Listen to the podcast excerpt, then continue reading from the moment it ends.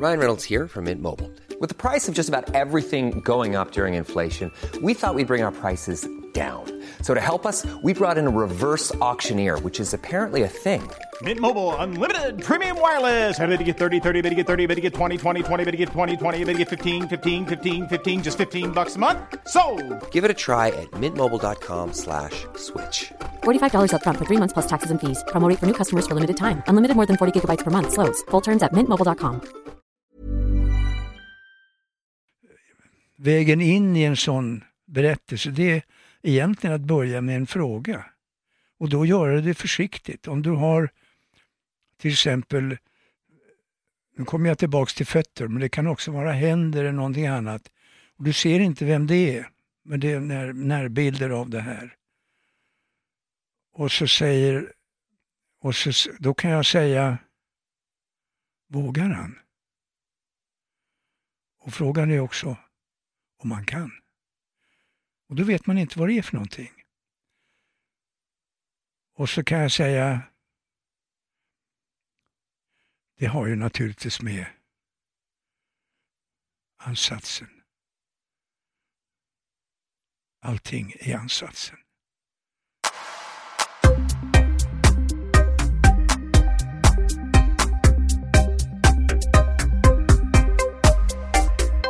Göran Zachrisson, välkommen till Paul Delvaye Podcast. Tack. Jättekul att få ha dig här, för du är ju en riktig legendar inom det området som vi jobbar med, som är tv och media. Det är dina ord. Det är mina, det, eller så här, det är inte bara mina ord, det är väldigt mångas ord faktiskt. Och eh, jag eh, har frågat lite folk vad de tyckte att jag skulle ha med för folk med i podcasten. Du har nämnts av fler och jag har även haft dig i huvudet att jag absolut vill ha dig här. Men när fler personer började säga att eh, Göran Zachrisson måste du ta in, då kände jag ja, jag måste nog höra av mig till honom ganska snabbt. För, för du och jag har ju inte träffats egentligen i person förrän idag.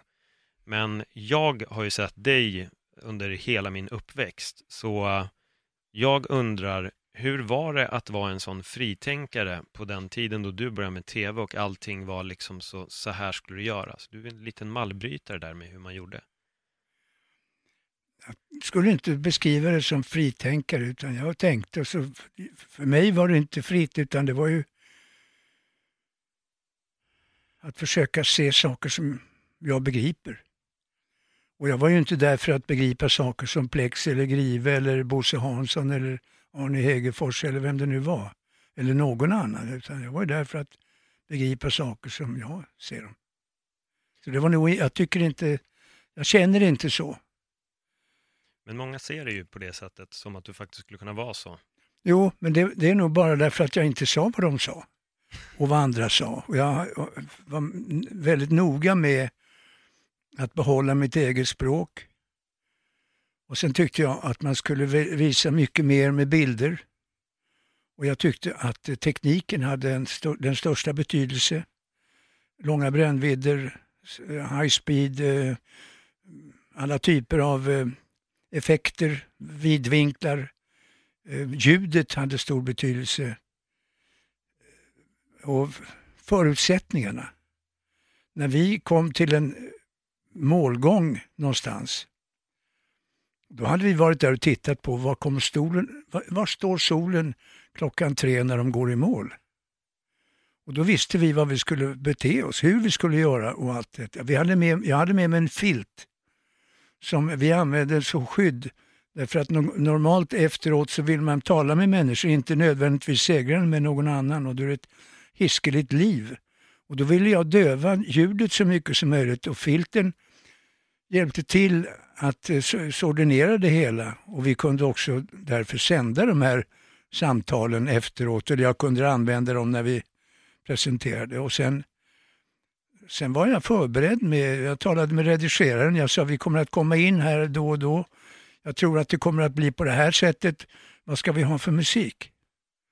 Och så tog vi fram det så att eh, på den tiden med film och sen lite annat, men var det nödvändigt att inte bara få filmen framkallad utan att även musiken var klar. Så att vi kunde redigera och, och, visa det här i tid.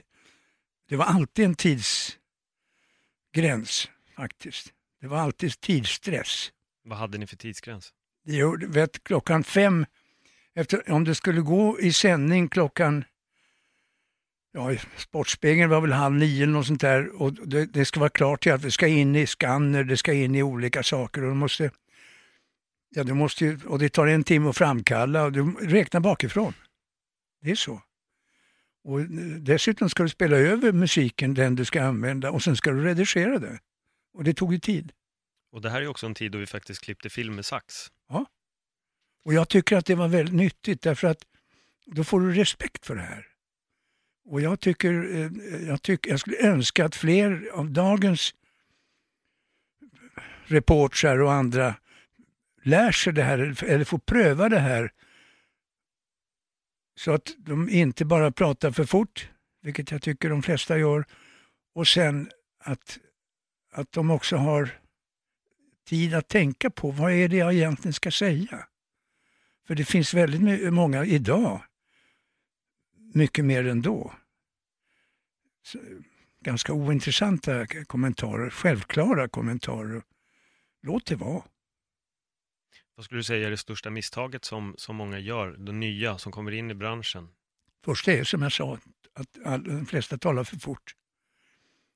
Och sen är det ju så att den bästa, det bästa språket, det är bild och ljud. Och du kan hjälpa till med lite musik och lite annat, eller tystnad. Och tystnad idag skapar en, ett, ett stort intresse därför att det, det är så ovanligt. Jag älskar tystnad. Då, kan man, då blir det koncentrerat, men du måste också ha någonting som leder fram till tystnaden. Eh, jag tror att eh, tekniken och möjligheterna som mediet egentligen erbjuder används inte tillräckligt. Jag måste bara backa bandet där. Vilket år var det du gjorde de här golfreportagen när ni tänkte efter solen och ni var tvungna att klippa med film? Jag tänker för de som kanske inte har jätte, jättestor koll på din ålder. Nej, de, de första var ju alltså, jag började ju där på 60-talet. Och, och jag började med golf, men jag, sen, började, sen gjorde jag, jag sysslat mycket med idrott. Och sen, började, sen gjorde jag andra saker. Och så försökte jag visa det. Och eh, jag är ju tacksam att jag hade fått, att jag fick den möjligheten. Att jag fick eh, den friheten. Och eh, det finns väl ingen sport som jag inte har ju, hållit på med. Och, och några av de stora ögonblicken, det var ju en, en viktig boxningsmatch eller en eller Tour de France eller Giro d'Italia, cykel. Cykel är ju otroligt läckert att följa. Och man kan, som man verkligen kan, där man verkligen kan bre ut sig ordentligt. Inte bara miljön utan det, det är en stor grej. Det är mycket folk. Och det är min pappa är från Spanien, så han är väldigt besatt i cyklar. Så jag känner till det. Jag tror inte alla här hemma kanske direkt har så stor koll på cyklingen och hur extremt stort det är när vi kommer lite ner, mer mot Sydeuropa. Vilka av de här tävlingarna har du täckt och på vilket sätt jobbade du då? Ja, tyvärr har jag inte sett Vuelta. Men jag har sett, eh, jag har eh, sett eh, Giro d'Italia flera gånger. Jag har också några gånger varit på, och en gång särskilt, en, en, nästan en månad på följde vi sista etapperna i Tour de France. Tour de France är ju givet det största, men det, där där är det också så spännande att, att allting måste planeras så väl. Och du har ingen tid att planera, för du kommer dit. Och när jag åkte dit med en fotograf, och det var svartvitt på den tiden, så för 71 eller något sånt här. Så, och vi träffades på flygplanet. Han hette Dan Holmberg, en mycket skicklig fotograf. Och, och vi satt bredvid varandra för att flyga då till Paris och vidare och söka upp, för Fåglum låg då trea i loppet. Eddie Merckx var i ledning. Och då, då sa jag till min polare då, nyvunne Dan, han säger att jag, jag vet inte vad du vet om cykel. Jag vet var Frankrike ligger, så jag. Och då så sa han, jag kan också cykla, men jag har egentligen ingen aning om var Frankrike ligger. Och på det sättet började vi filma och vi hade så, det var så givande. Och vi, det är klart att vi arbetade ihjäl oss eftersom vi, men vi var unga och starka och det var så imponerande. Och de här, en del av de här bilderna som vi lyckades ta, som vi, vi tog från bilen som vi, vi körde med och en del av lösningarna och de, det var bra. Jag kan säga det att det var, det var riktigt bra. Och det tvivlar jag inte på, för du, du nämner en grej som jag tror kan flyga över huvudet på väldigt mycket folk, men det var att även på golfbanan så tänkte du var står solen vid en viss tid? Och det här är ju någonting som folk till och med kan ställa sig och filma i motljus i dagsläget och inte ens tänka på det här med sol. Vad är det som har gett dig den här, vad ska man säga, totala vad heter det, klarheten i vad som behövs för att få det perfekta, liksom bilden, ljuset, intervjun? Jag vet inte, men det, var ju, det är väl samtalen med, med de ljudtekniker, ljud, och fotograf och ljudtekniker och allt. En gång, ehm, en gång ljudtekniken får man inte glömma bort. Nu hade vi ingen den här gången, men en gång så eh, filmade vi en kanotist, en av de bästa i Sverige, jag glömt bort vem det var. Han var eh, Sveriges bästa kanotist uppe i Värmland. Väldigt underbar eh, sjö som var helt avskild från resten av världen. Och det var någonting som skulle gå för Sportspegeln dagen efter. Och då filmade vi honom när han paddlade och på olika sätt. Statiskt från eh, strandkanten med båt ute efter följebåt. Satte eh, kameran på kan kanoten och hoppades att det skulle få vara kvar. Alltså vi, gjorde, eh, vi filmade honom helt enkelt. Och när vi sen kom tillbaks till eh, det lilla hotellet och jag hade intervjuat honom men separat och då, då kom vi på att vi behövde synkronisera när paddeln träffar vattnet, paddeltagen. För vi hade inte ta, kunnat ta det synkront därför att eh, det, skulle redigeras på olika sätt och det var meningslöst egentligen. Praktiskt omöjligt helt enkelt. Och då, då satt vi på hotellrummet och undrade hur ska vi göra med det här och då stack eh, Robert Hedström hette han, upp handen och sa jag tror att jag har det, sa han. Och så, jag kommer tillbaks. Och så försvann han och så kom han tillbaka och då hade han köpt på apoteket ett paket med kondomer. Och de, då satte han kondomerna på mikrofonen och så la han mikrofonen i badkaret som han hade fyllt med vatten. Och så paddlade han med händer i takt med den som fanns. Han hade ju hörlurar och allting. Så vi hade ett perfekt ljud på alla paddeltag. Och det, det, slingan var redan gjord. Och då hann vi lägga det och klippa ihop det. Och det är så det går till. Alltså man måste vara lite finurlig. Och vi hade ju fruktansvärt roligt åt det hela. Men, men, men det är klart, vi gjorde det där med största allvar. Och, då, och så, så är det. Hur ska vi göra det här? Ja, vi, så kan vi göra. Ja. Alltså du, du får, det, och det är väl det som är charmen med det här arbetet. Få improvisera och hitta lösningarna. Ja, och, och jag skulle säga det än idag.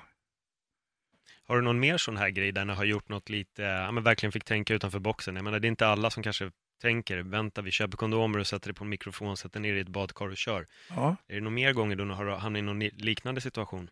Ja, säkert, men jag, jag kommer inte på några direkt sådär, för det gör man inte. Jo, alltså det, det är ju den här förberedelsen. Och, och det är ju likadant som man... Nej, det, och sen är det sinkadusen. Och sinkadusen ska man aldrig underkänna. Och en gång så, så skulle den, eh, boxaren Lillen Eklund, Eklund som de sa, han skulle möta en svart engelsk boxare. Tungvikt. Som jag nu naturligtvis har glömt bort. Eh, en viktig match. Europamästerskap. Och eh, namnet kommer sen. Men, men då, då skulle jag filma den här svarte boxaren. Och jag hade då på mig ett, ett par skor som jag fortfarande har som jag anser var det elegantaste, mest välputsade bruna skor. Och när han fick se de här skorna så blev han oerhört road när vi satt och pratade och intervjuade så här.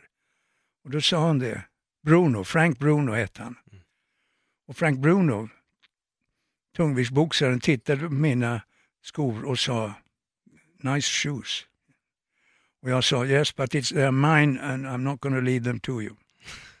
och that's fine, I've got bigger feet than you, sa han då. Och så, men med den här lilla enkla saken och det här, det här ögonblicket så hittade vi varandra. Sen var han oerhört öppen, språksam och vi hade hur trevligt som helst.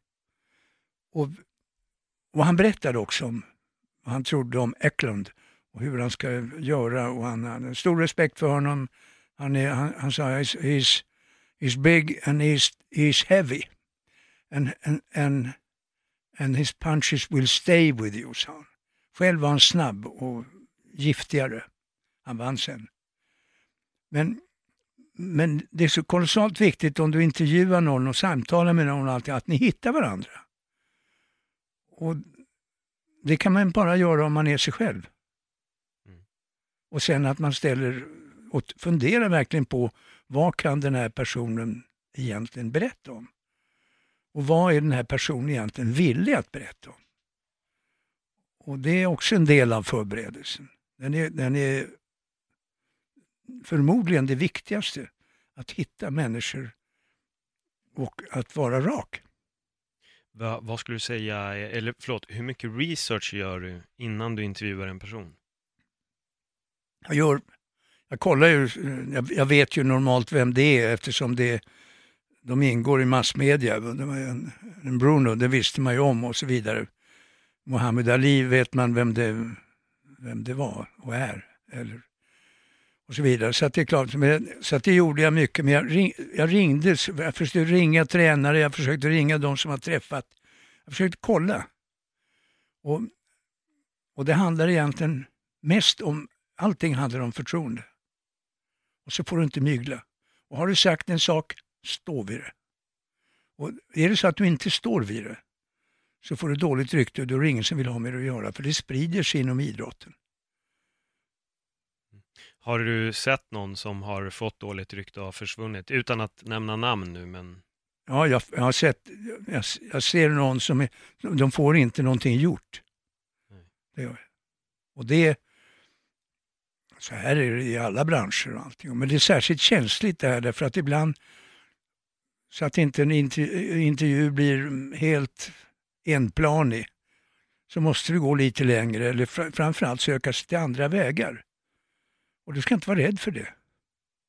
Det är, en, eh, och- det, gäller, så det, det är det är väldigt mycket fråga om lyssnande också. tycker du att du ser mycket intervjuare eller reportrar som inte reagerar på följdfrågor kanske? Ja. De, de, de har redan planerat följdfrågan. Det, det märks ju.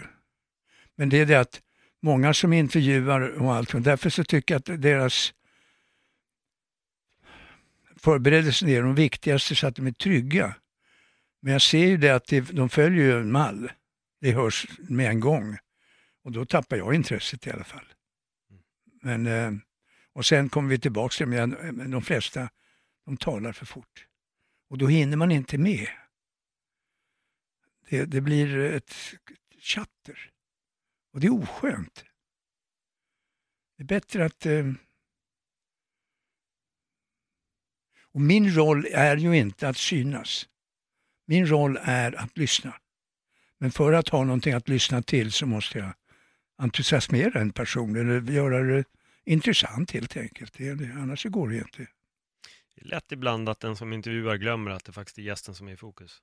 Ja, det finns ingen vikt. Och du, med, med mig såg du, du såg inte röken av mig de första åren. Jag visade mig inte. Jag hördes bara. Och jag tycker att det är, jag kan mycket väl tänka mig att fortsätta i den eh, ändan. Fast idag nu är jag så mycket äldre och då vill de gärna att jag syns någon lite stans och, och, då, då gör jag det. Men, men eh, jag vet ju att det viktigaste är ju att, att inte synas men att höras. Hur, hur skulle du säga att eh, branschen har förändrats? Hur länge har du varit i branschen? 50, alltså nu 65, låt oss säga 65, det var lite i början där. Sen är det till, jag håller ju fortfarande på. Ah, jo. Det är det. Så sen, runt 65 startade du? Ja. Ja. Vad skulle du säga? Alltså, jag, förstår ju att det har förändrats otroligt mycket, men jag vill höra från dig.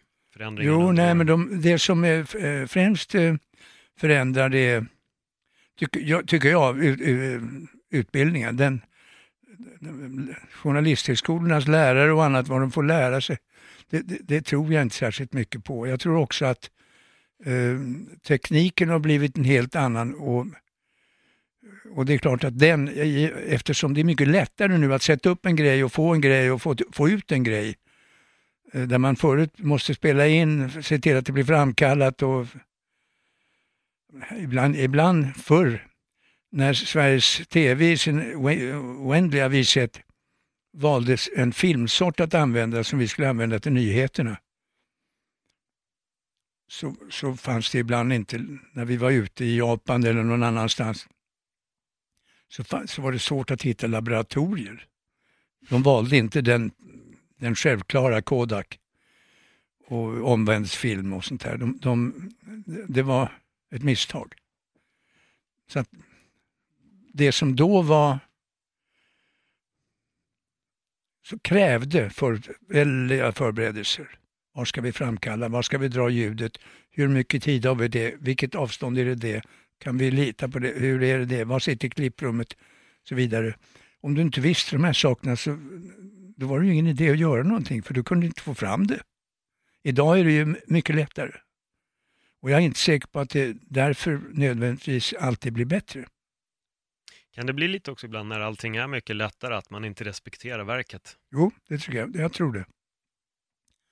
Jag tror det. Och så tycker jag det att, att i, de, i många fall, nu tittar jag, jag tittar inte så mycket på tv så att jag kan inte, jag kan inte hållas för det. Men, men vad jag har lagt märke till det är att, att det är inte säkert att alla förstått betydelsen av tystnaden, att, av ligg lågt och tala inte så mycket. Vi förstår mycket mera. Bilden är egentligen det bästa, ljudet och bilden tillsammans är ännu starkare. Eh, ligg lågt. Låt saker berättas. Berätta din historia. Men du behöver, ibland måste du så här, kommentera saker. Så här, men det, i de flesta fall behöver man inte kommentera det som är självklart, för det ser vi. Det, det, det är en skillnad. Och vi fick, jag gick ingen utbildning och allting så, men vi pratade mycket mer sinsemellan tror jag än vad man gör idag om just den, lösningarna och det tekniska och alltihopa sånt där. Men vi hade ju varje tisdag varit på TV-sporten i alla fall, eh, genomgång och, och de genomgångarna var ju otroligt viktiga. Har vi blivit dåliga på att dela med oss av, av våra kunskaper? ja, det kollegor? tror jag, men det, det, är inte det är liksom inte ditt fel utan jag tror att det ligger i ledningens fel. Och jag tror att många idag är då... Vi hade i alla fall... Jag tror faktiskt att det är det. Det är, det är inte... Jag tror man ska respektera mera betydelsen av yrket, att berätta. För jag, får, jag, jag vet ju att vi sitter ju på ett hav av kunskap allihopa och om vi alla skulle kunna mötas upp och bara dela med oss av våra små tips och tricks och sprida den lilla verktygsboxen till alla andra så tror jag att vi alla skulle kunna expandera vår kunskap och, bli mycket, mycket bättre. Jobba som mentorer åt varandra. Säkert. Alldeles säkert. Och jag, jag tror också att, eh, att titta på filmer tillsammans. Alltså tala om det. Vad är det som är bra med eller, eller olika typer av berättelser som är, om, framförallt eftersom vi sysslar med idrott, om idrott. Och det, det finns ju en oändlig massa att berätta. Mm. Och du har ju ett, ett, hav av erfarenhet med tanke på alla åren du har jobbat inom TV. Så jag undrar över några reportage som du har gjort helt valfritt från din sida som verkligen har stuckit ut på vilket sätt som helst egentligen. Är svårt att säga. Det, jag tyckte, det, några grejer vi gjorde från Tour de France som ändå gjordes under brinnande krig. Så att säga.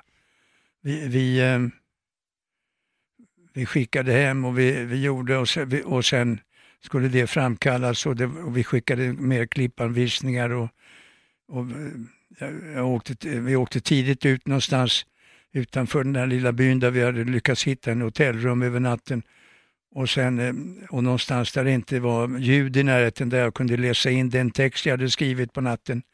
och sen, och sen gällde det att hitta en flygplats och skicka hem det. Alltså de här, att gå igenom det här, det var ju, jag menar, efteråt är det ju är det ju kul, men det var inte så enbart lätt. Det var det inte. För att sen skulle vi ut bland cyklisterna igen och lämna olika rapporter och allting. Men det var kolossalt roligt ändå.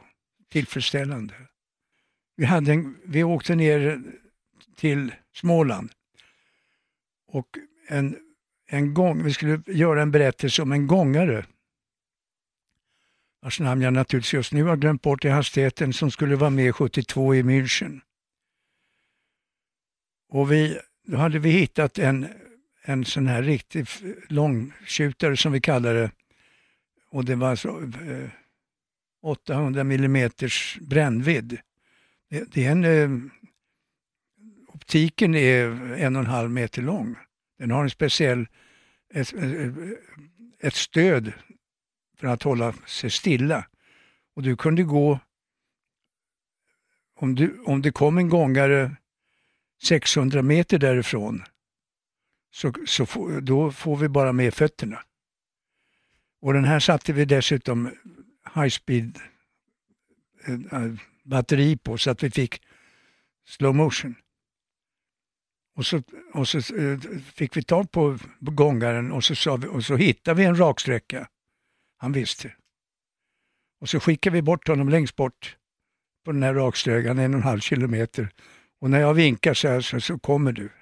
Och sen var fotografen och jag tvungna att tillsammans följa med skärpan och sköt, se till att kameran gick runt och allt.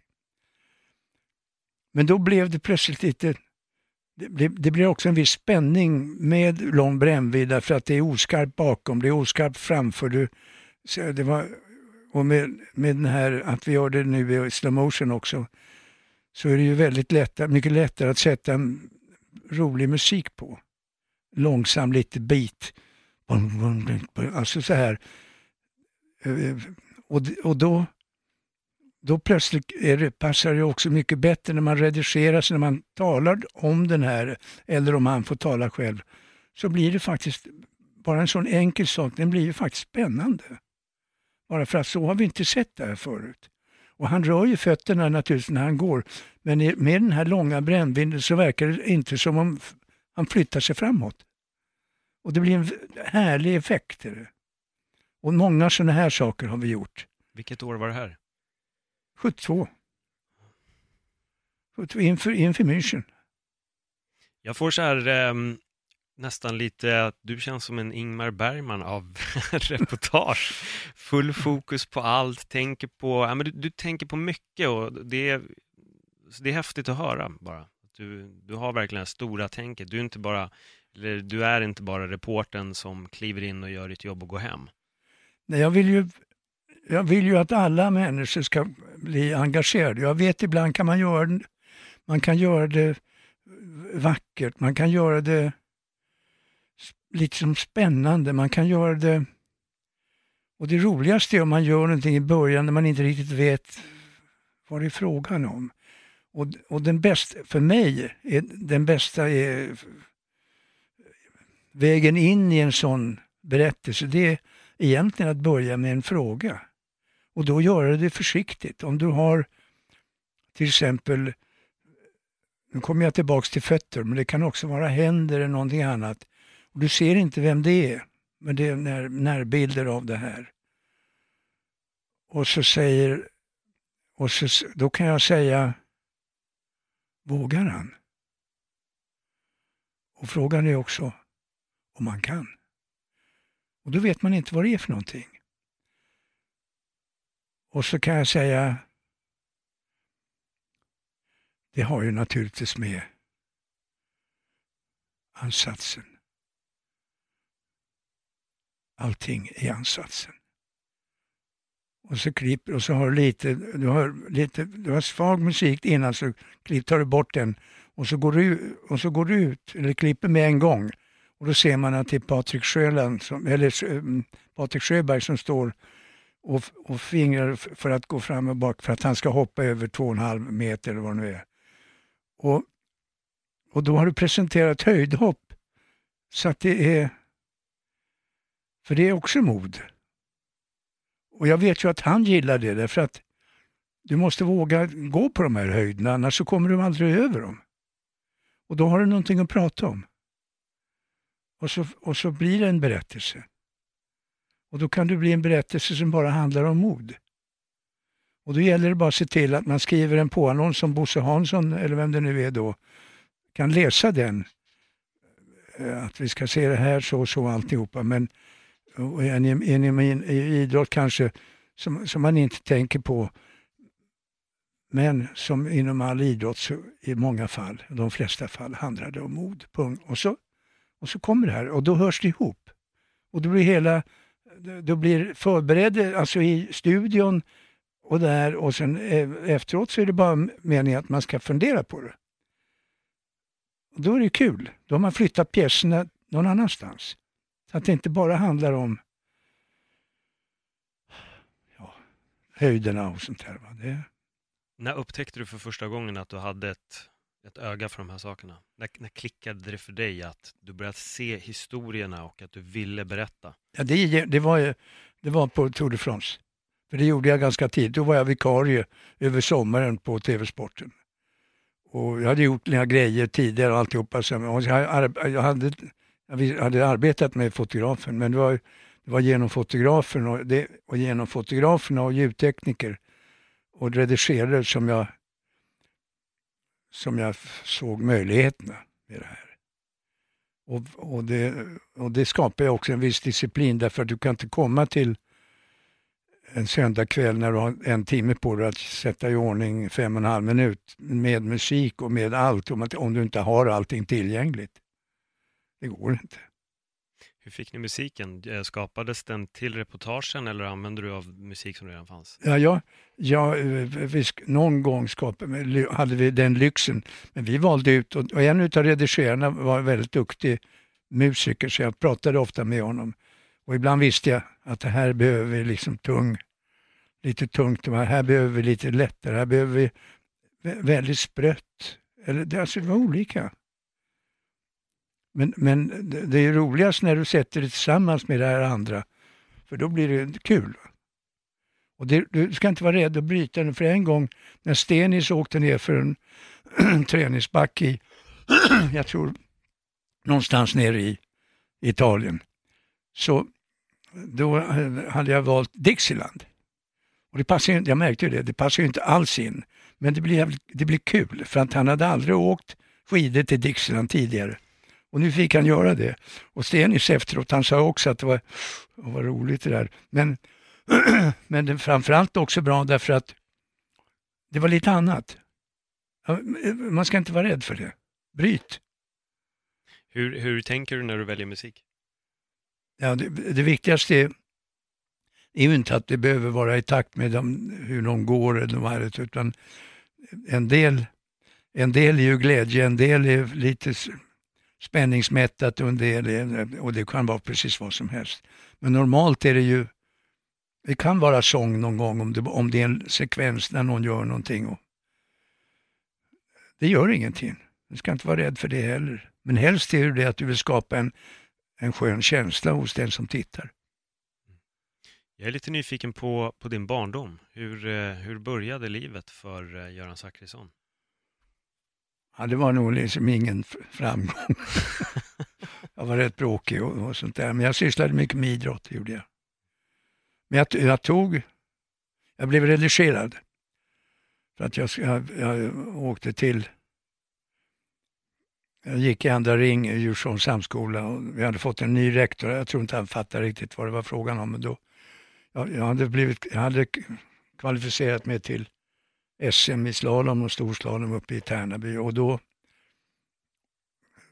fick man normalt åka. Till och med militärer fick åka, alla fick ledigt för det. Men han gav mig inte ledigt. Men då åkte jag i alla fall och då eh, när jag kom hem så insåg jag ju att det här är inget bra, jag kan ju inte be mamma och pappa skriva ett intyg till mig när de vet vad jag har gjort. Och då, eh, så att jag var ju tvungen att skriva in, intyget själv och det var det jag föll på. Å andra sidan hittade jag en bättre skola så att, eh, som där jag tog studenten. Så det var, men eh, så var det. Vad tog du studenten i? I, alltså, jag var allmän... Alltså, ja, allmän, engelska, tyska och franska och alla möjliga saker, matematik och allt vad man... Filosofi, allting. Jag hade en väldigt bra sista två åren då när jag gick där. Han var lärare både i matematik och filosofi. Men på den tiden var det ju eh, muntlig examen också. Så när, innan, innan man sprang ut med mässan. Hey, I'm Ryan Reynolds. At Mint Mobile, we like to do the opposite of what Big Wireless does. They charge you a lot, we charge you a little. So naturally, when they announced they'd be raising their prices due to inflation, we decided to deflate our prices due to not hating you.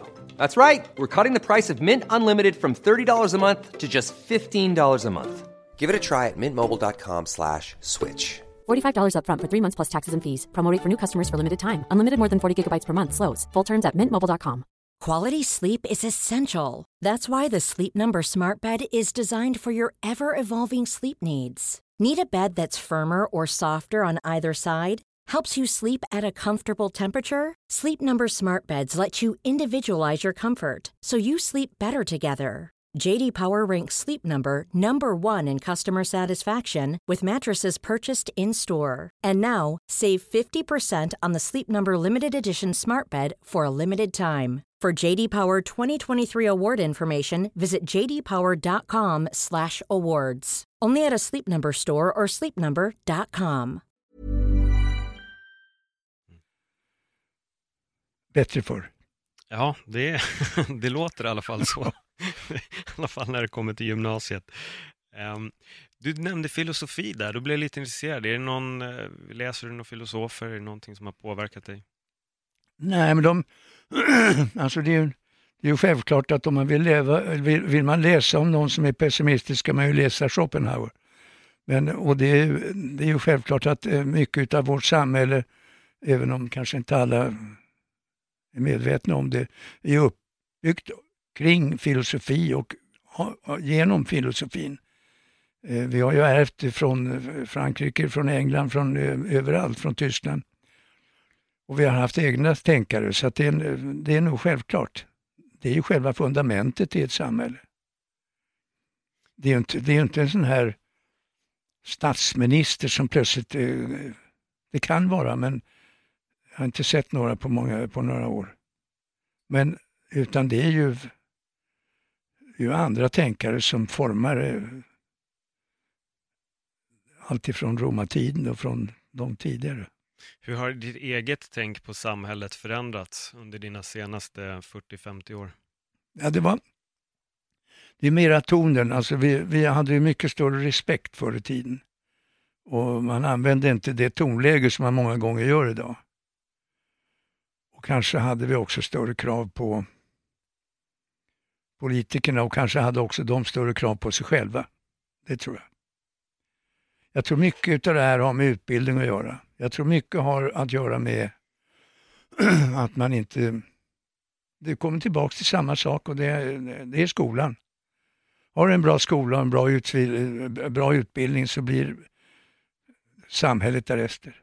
Det, det, och det tror jag många, många, jag vet faktiskt inte hur mycket hur många studier och mycket studier som den här regeringen har gått igenom. Jag vet inte det. Och att gå igenom och studera och gå på universitet och försöka ta betyg och eh, till och med ta studenten och allting sånt. Det är ju en fråga om eh, disciplin. Och jag, den, det, jag, tycker att, jag tycker att sitter man i regeringen då ska de också gå igenom en propedeptisk kurs innan i ekonomi, delvis politik och, och så, så att man psykologi inte minst. Men så att man vet vad det är frågan om, att man förstår mera vad det är frågan om. Annars får man inte vara där. Det, det tycker jag. Är det för få människor som kanske har ett för eh, öppna ögon, rent ut sagt? Ja, och det, och det är ju de människorna som är roligast att tala med och som är roligast att lyssna till. Och, och, och människor som verkligen har underkastat sig, försökt lära sig och försökt leva därefter. Det, det måste respekteras och det vet jag inte om de har gjort alla politiker. Vad inspirerar dig? Jag tänker på folk. Finns det folk som inspirerar dig, som du tycker har bra värderingar och tankar? Ja, det är ju alla de som går och vågar utanför. Det är ju klart. Det inspirerar alltid. Är Någon som är rolig, som verkligen är rolig. Och, eh, och det finns gott om, och så människor med absolut integritet. Många idrottsmän eh, är sådana, och har jag märkt. Men det är också så att ju mer du kan om en sak, desto mera integritet tycks du ha. Jag tror att det där hör ihop. Och det vore egendomligt annars. Du vågar säga ifrån om du kan någonting. Du vågar säga ifrån om du inte är för mycket beroende av om utvecklingen omkring dig och allting sånt. Försök att göra det så oberoende som möjligt. Hur gör vi det? Ja, jag håller på fortfarande. Ehm, men om vi återgår lite till din, till din ungdom så tänkte jag, vad ledde dig in i eh, sportbranschen och tv? Och... Det var min bror. Det vill säga, sport, eh, min bror han var galoppkommentator för TV-sporten. och, och då hade TV-sporten Gert Engström, han var då chef för det där. Han hade köpt in 10 eller 15 en timmars program om golf. Matcher mellan amerikanska spelare, svartvitt naturligtvis. Och då frågade han då på ett möte, är det någon som kan någonting om det här? Och då sa då sa Björn, min bror, att det är med, Göran håller på med det här. Jag var då redaktör för Svensk Golf också och skrev och lite på, försökte överleva. Och då, då eh, och Plex understödde det här. Vi hade inte träffats, men han hade visst att jag höll på med det. Och då, då ringde de och sa det och så var det bara att komma dit och så börja. Men frilans naturligtvis. Alltså, och det ena gav det andra. Och, och då, det var ganska, det var bra. Jag märkte att jag tyckte om att berätta. Och då, jag spelade squash. Och då, då sa jag det, jag kan göra, de hade någon sportsändning en lördag. Och då sa jag, jag kan göra en berättelse om squash här. När vi, så visa vad det är, för det var inte många som visste om. Ja, då fick jag tio minuter på mig, det var en långfilm på den tiden. Och så, och sen, så jag berättade om squash. Och, då, och så gav jag en sak det andra, gav det tredje och då, då var det så. Det var, det var, och det var kolossalt roligt allting. Det, fanns, det var bara positivt. För allting var nytt. Allting var nytt och man visste bakom varenda hörn, varenda hörn finns det någonting som är spännande. Vad du än gör. Ja, det var, det var, jag hade ju tur. Men, var, men jag fick lägga i och det var ju, jag var tvungen att göra andra saker och skriva andra saker. Och, eftersom det, det var ju monopol. Och man, jag fick 200 kronor om dagen men jag, jag, hade, jag var nygift och det gick inte. Alltså, det, Stora pengar. Ja, stora pengar. och det, och det, så var det ju. Men, men det är bara nyttigt, det är bara att gå på. Alltså det, du, du, jag märkte det att det här är det roligaste jag har hållit på med. Det var kul alltså. Och du är kvar, så det är tecken på att du verkligen Ja, nej, men jag tycker det är vansinnigt. Jag tycker det är kolossalt roligt.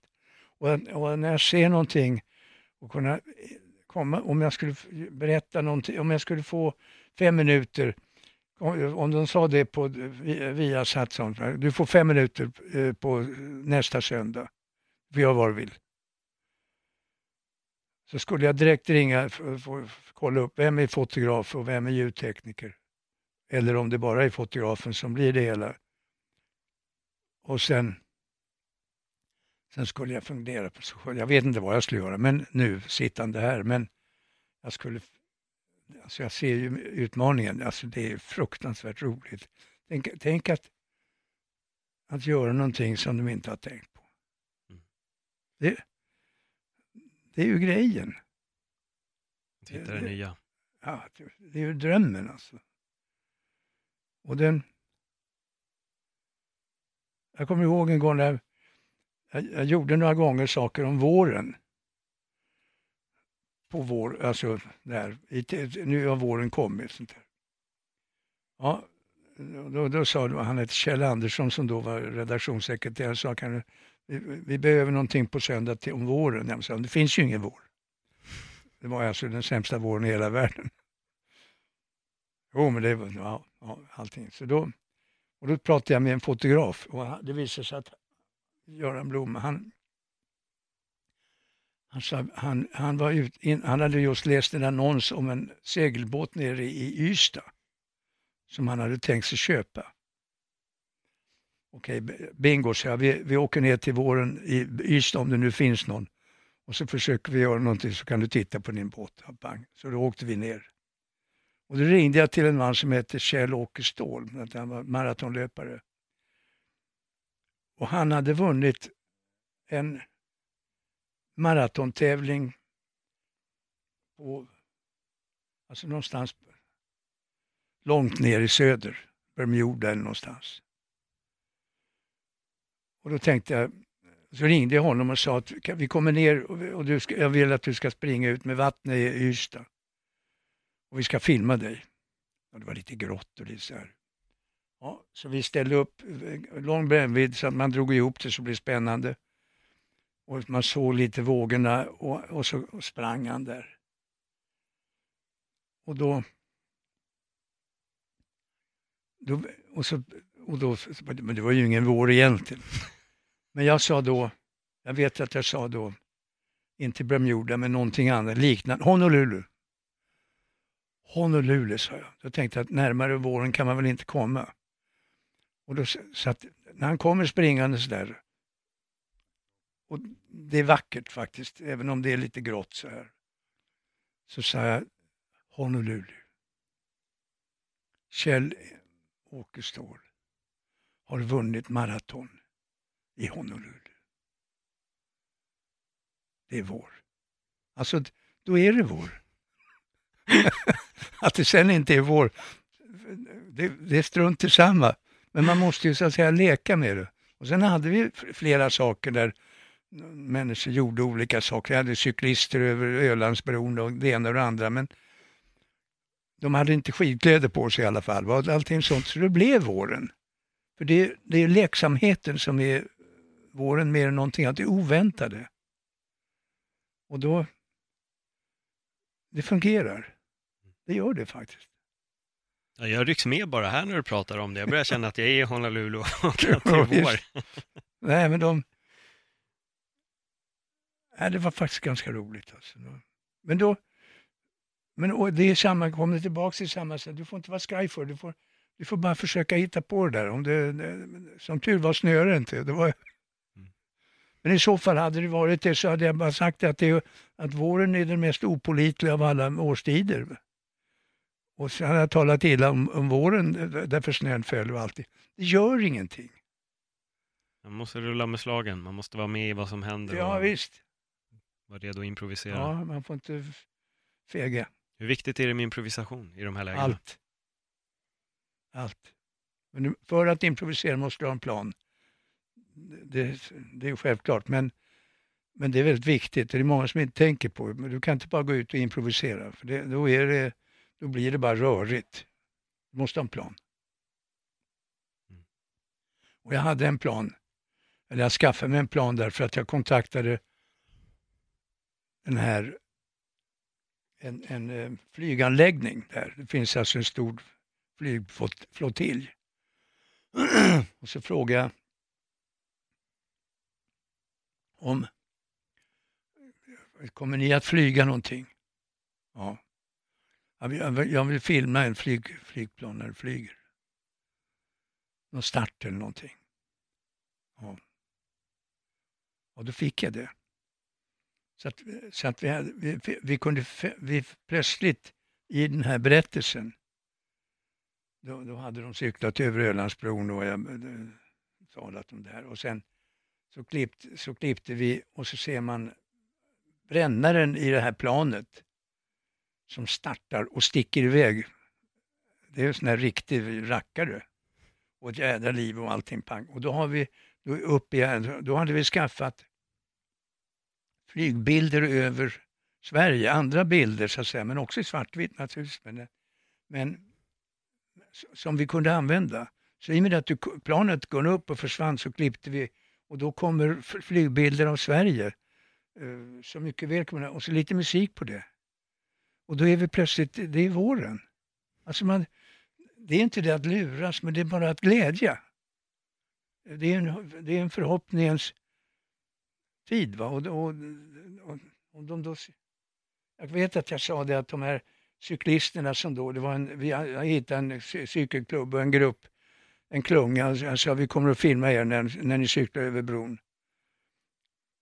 Och det, det, vad ska vi göra? Nej, ingenting annat, ni ska bara cykla över bron, ta det lugnt. Och vi filmar, vi kommer att åka med, med bil bakom, men vi filmar från bilen. Så, åkte vi det och filmade från bilen och det är jävligt fina, det är fina bilder. Och, då, och det enda, som jag, enda anledningen var att jag, att eh, jag ville liksom flytta om det. Så jag då sa jag att, att när man Eh, att cykla över bron, det är oftast, det, du är utsatt för vinden. För cyklisterna, för cyklisterna gäller,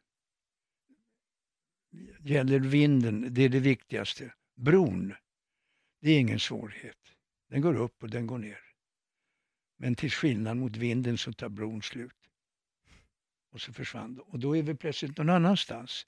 Och då kan man klippa till någonting annat. Alltså det är en, det behöver inte konstra till det. Ja, det blev, en, det blev vår.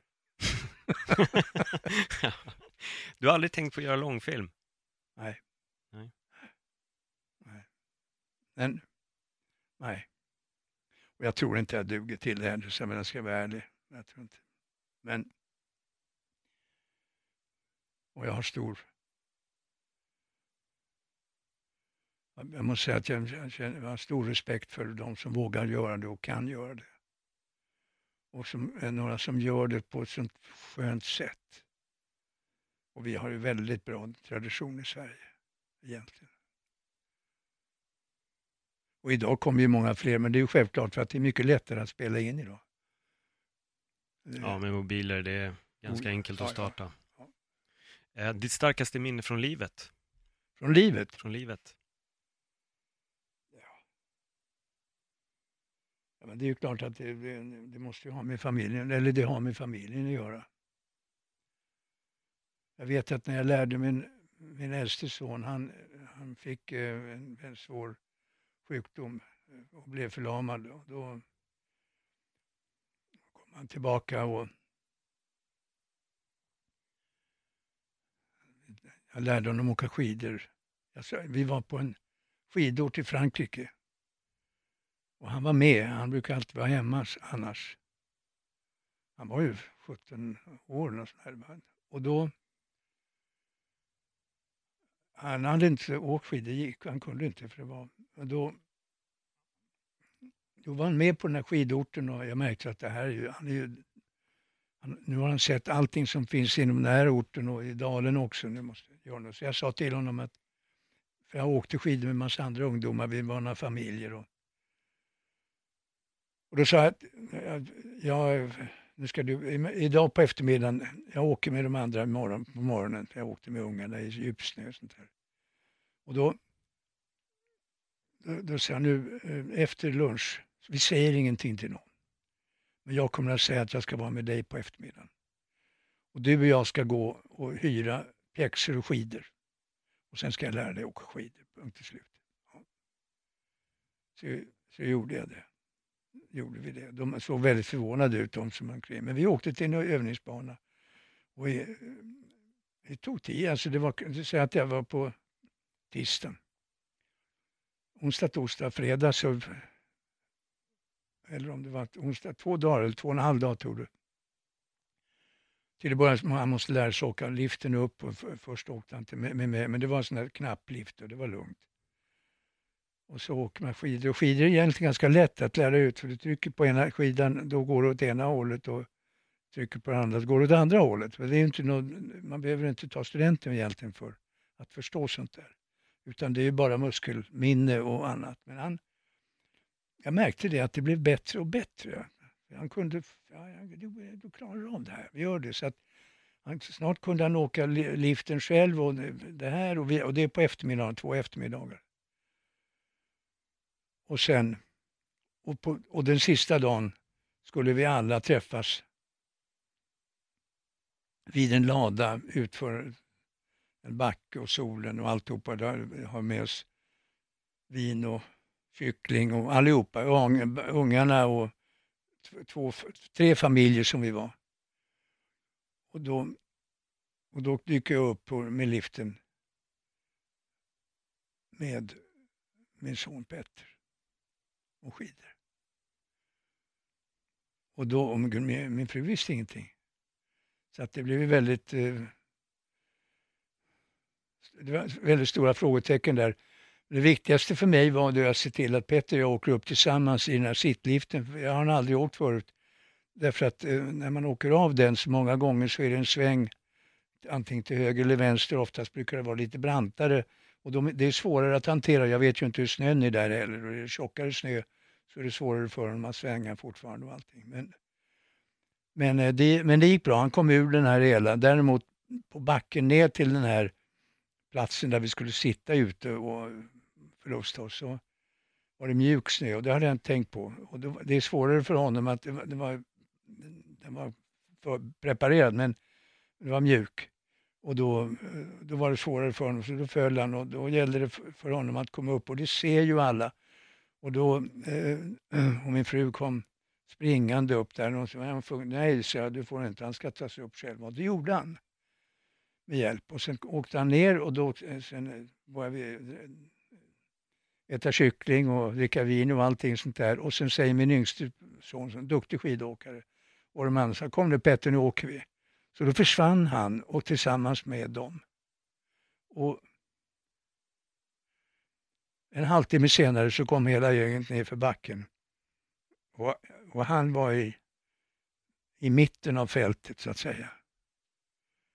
Och, och, då, eh, och vi satt och tittade bara och han enda gjorde han bara vände sig om och stack upp staven och sa hej pappa sa han och så fortsatte han.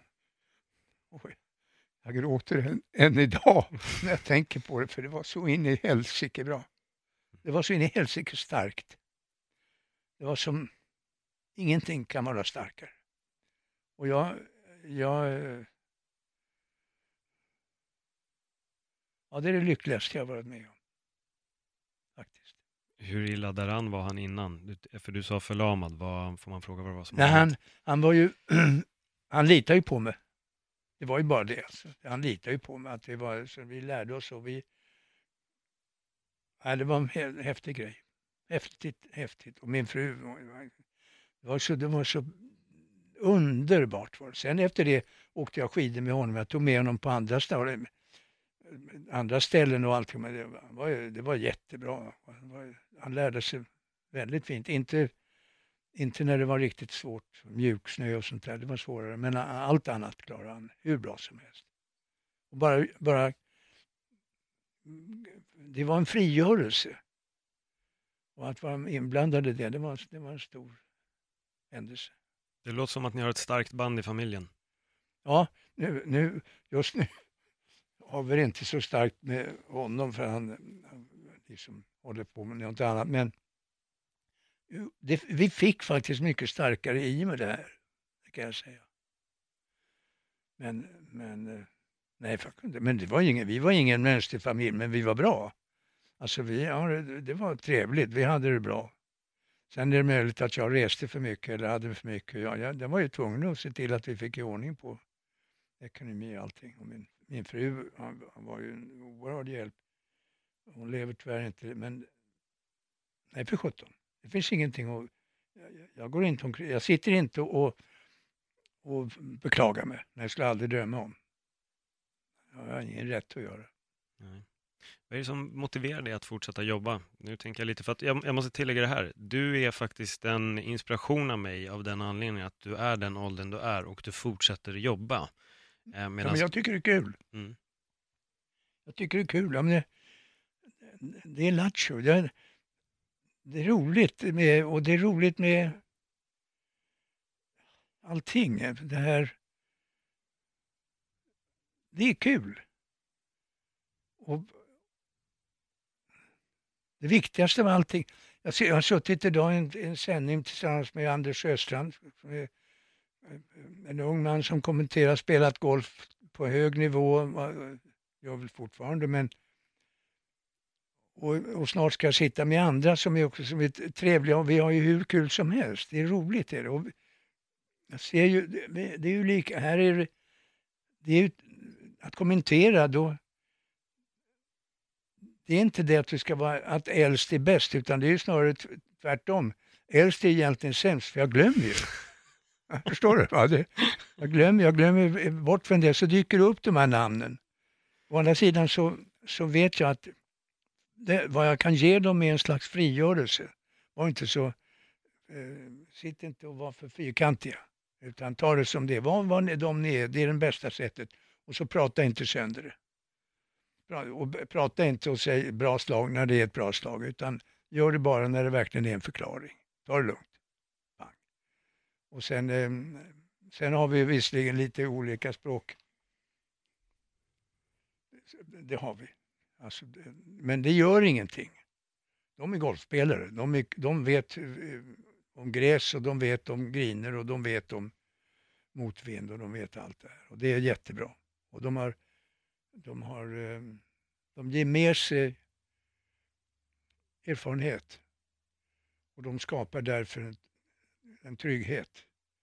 Och de, eh, det, enda, det enda jag kan hjälpa dem med det är ju alltså att att göra dem ännu friare. Mm. Att, eh, ta det inte så allvarligt. Det är underhållning. Men det, ska, men det måste vara rätt. Och är det så att du inte vet om det är 200 meter dit, säg det.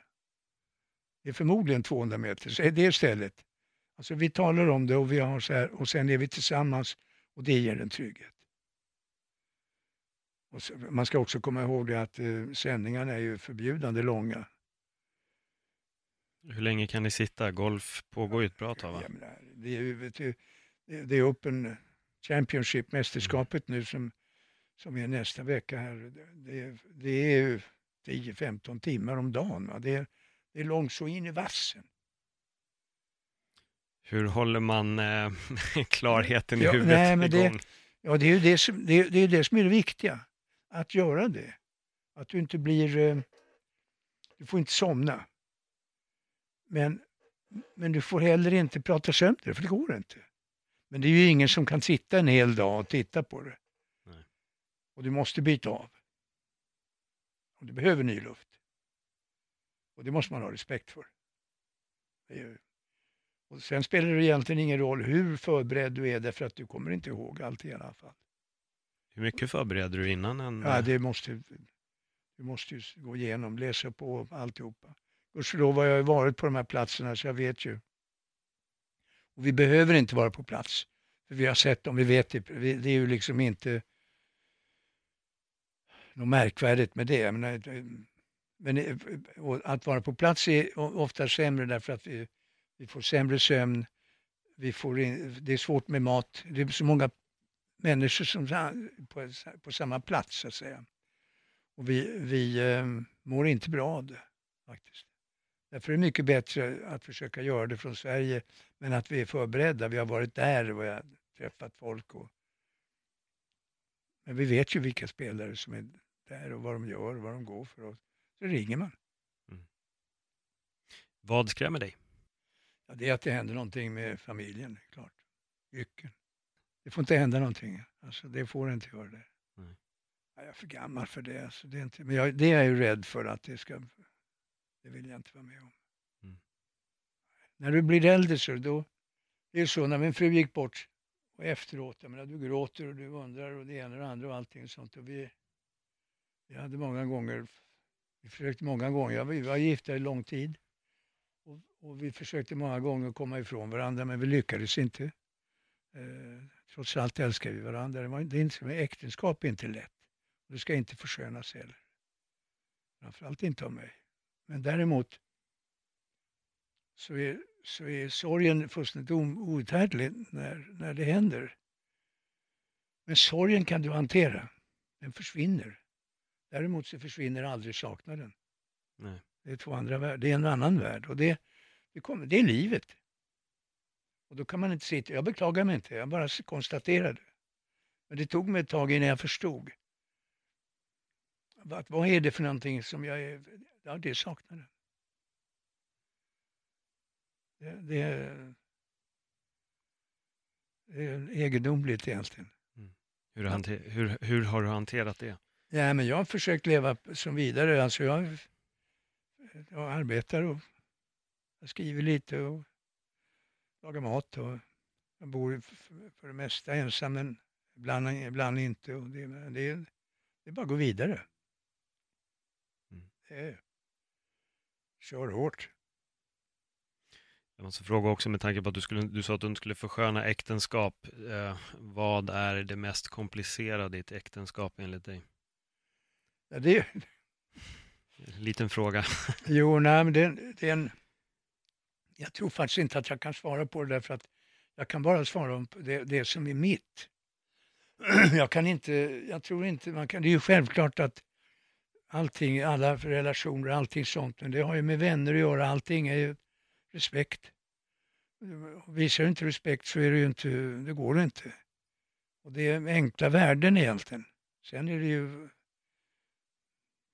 de personliga relationerna så att säga, men de är ju alla individuella och, och mycket speciella. Så det är svårt att, att dra några allmänna slutsatser om det. Men jag, det enda jag vet är just att jag vet att jag många gånger varje dag eh, saknar. Jag- skulle vilja annat. Det är ju klart. Men man kan ju inte gå, det går ju inte att gå omkring och grina och hålla på sådär för mycket. Utan jag har ju, här, nu gäller det att, att gå vidare. Och det skulle hon vilja också. Så det är inte någon svårighet. Vad gör dig glad? Ja, det, det här, eller att komma hit med massa eh, eh, lustiga personer som hit och dit. Jag tycker allt sånt här, är- jag tycker det är roligt med, med eh, golfspelen, jag tycker det är roligt med de här figurerna som jag har haft mycket att göra med och goda vänner och Jycken. Greta heter han, det är en West Highland Terrier. Hon, är en, hon är en kolossal lycka. Och det är den andra jycken av samma, samma sort. Och att gå med henne, även om hon skäller lite för mycket kanske, men det är rena drömmen. Och du kan, eh, du vaknar, du vaknar och det första du ser är en svart nos och två svarta ögon. Och någon som viftar på svansen. Det- Det är väl att säga välkommen till livet. Jag hörde en, jag vet inte vem det var som sa det, då sa han att hundar har förstått det här med relationer för att de möter dig lycklig vid dörren varje gång när du kommer hem. Ja, och det, det, det, det stämmer mer än väl. Och, och jag vet att därför att, att hunden är den, den absolut mest kärleksfulla varelsen som man kan tänka sig. Hon tog, hon tog emot mig med öppna armar, viftande svans och hoppade och välkomnade mig av hjärtat. Till och med den gången jag kom hem från Beskowska skolans 100-årsjubileum. Och det står jag för. Jag tycker det här känns som ett perfekt avslut. Vi har faktiskt suttit och pratat strax över en timme, Göran. Um, som jag säger, alltså du, du, är en, du är en stor inspiration på väldigt många plan och jag är alltså, en av de största inspirationerna från dig, inte bara det du gör med ditt verk, utan det är att du, du öppnar vägen för en person som mig att visa att Paul, du behöver inte liksom längta efter pension, utan du har hittat något som du brinner för och eh, nu är det bara att köra till den dagen du går i graven. Och det är det jag vill göra. Jag älskar grejen att du liksom fortsätter jobba. Du, som du säger, jag har kul. Och det är verkligen det det handlar om. Så jag har faktiskt en fråga till. Hur hittar vi det som gör oss glada i livet så att vi bara kan fortsätta att plöja på tills eh, lampan släcks? Du måste lära dig att tycka om dig själv. Och det är det svåraste som finns. Och är det så att du inte lyckas tycka om dig själv, vilket jag är inte riktigt säker på att göra, så måste man lära sig, tror jag att jag måste lära mig att acceptera mig själv. Men det är ett- det, är det förhållande, om du, om du gör det, då vågar du. Då vågar du vara dig själv och så kör du. För då kan du rycka på axlarna åt de här dummerjönsarna som, som, eh, för det finns alltid folk som hackar på det, det ena och det andra. Men, men det tror jag är det viktigaste. Och det innebär inte att man behöver gå omkring och vara, vad säger själv, Självgod. självgod. Det har inte med det att göra, det har med helt andra saker att göra. Det har med integritet att göra och stolthet. Var inte rädd för att vara stolt. Jag går inte omkring och är stolt så här. Men är det så att det, om det kommer till en sån situation, då är, då är jag stolt. Då är flyttar, jag flyttar inte. Jag flyttar inte på mig. Nej. Nej, men man kan vara artig. Det finns ingenting som, det har inte med saken att göra. Men det, jag tror att man ska vara, man ska hålla på så ordentligt. Det är mitt råd. Och det tackar vi jättemycket för. Göran Zachrisson, ännu en gång, en ära att eh, få dela den här timmen med dig och eh, få ha ett eh, fantastiskt samtal och jag känner att jag bara sitter och suger in all inspiration och alla dina berättelser och jag känner mig motiverad till att bara fortsätta att jobba. Så tack så jättemycket för det. Tack ska du ha. Tack.